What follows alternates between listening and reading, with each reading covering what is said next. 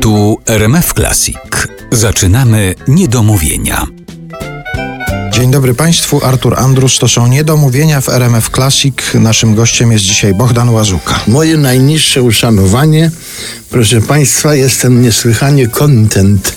Bogdan Łazuka, właściwie powinienem powiedzieć, jako on sam dzisiaj występuje w naszej audycji, ponieważ zajrzałem do takiego specjalistycznego portalu filmowego, gdzie są wymienione różne role filmowe Bogdana Łazuki i tam się dosyć często pojawia właśnie rola Bogdan Łazuka jako on sam.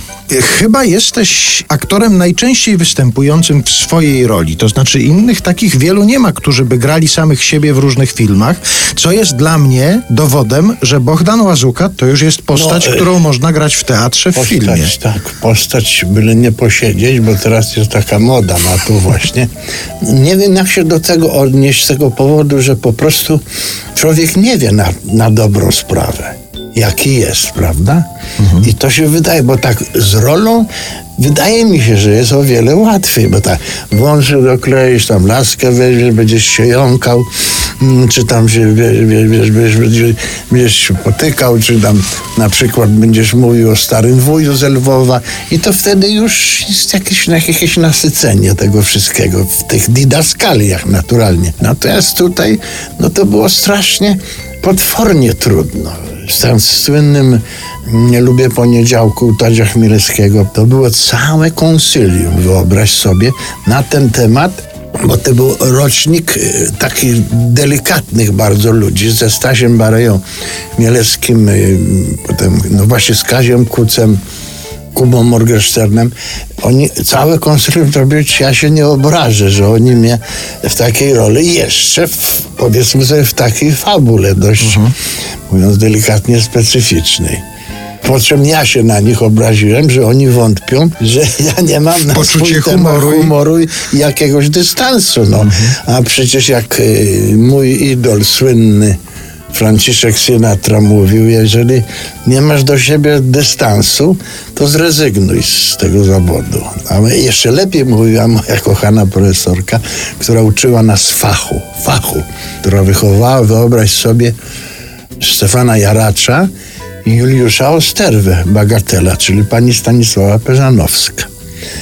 Jak ktoś nie bardzo jej konweniował, wiesz, w, tym, w swoim wyrazie artystycznym, to ona mówiła, weź czapkę i wyjdź.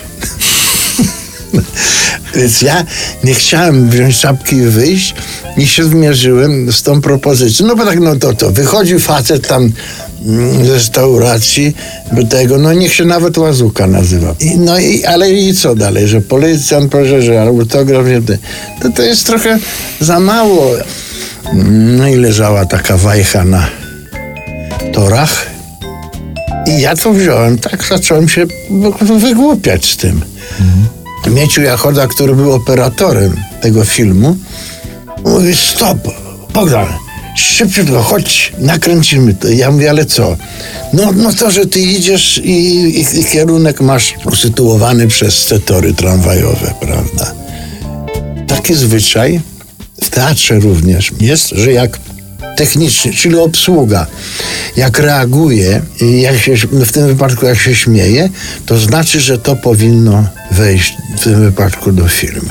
Ale, żeby było śmieszniej, to taśma nazywała się Orwo, czyli enerdowska taśma i wolno było tylko dwa duble zrobić, bo już później kara śmierci była finansowa za to.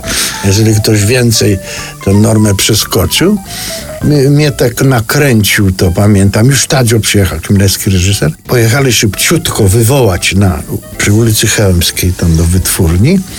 No i ta miła obsługa Zareagowała. zareagowała, zaczęli się śmiać, no i to wtedy weszło.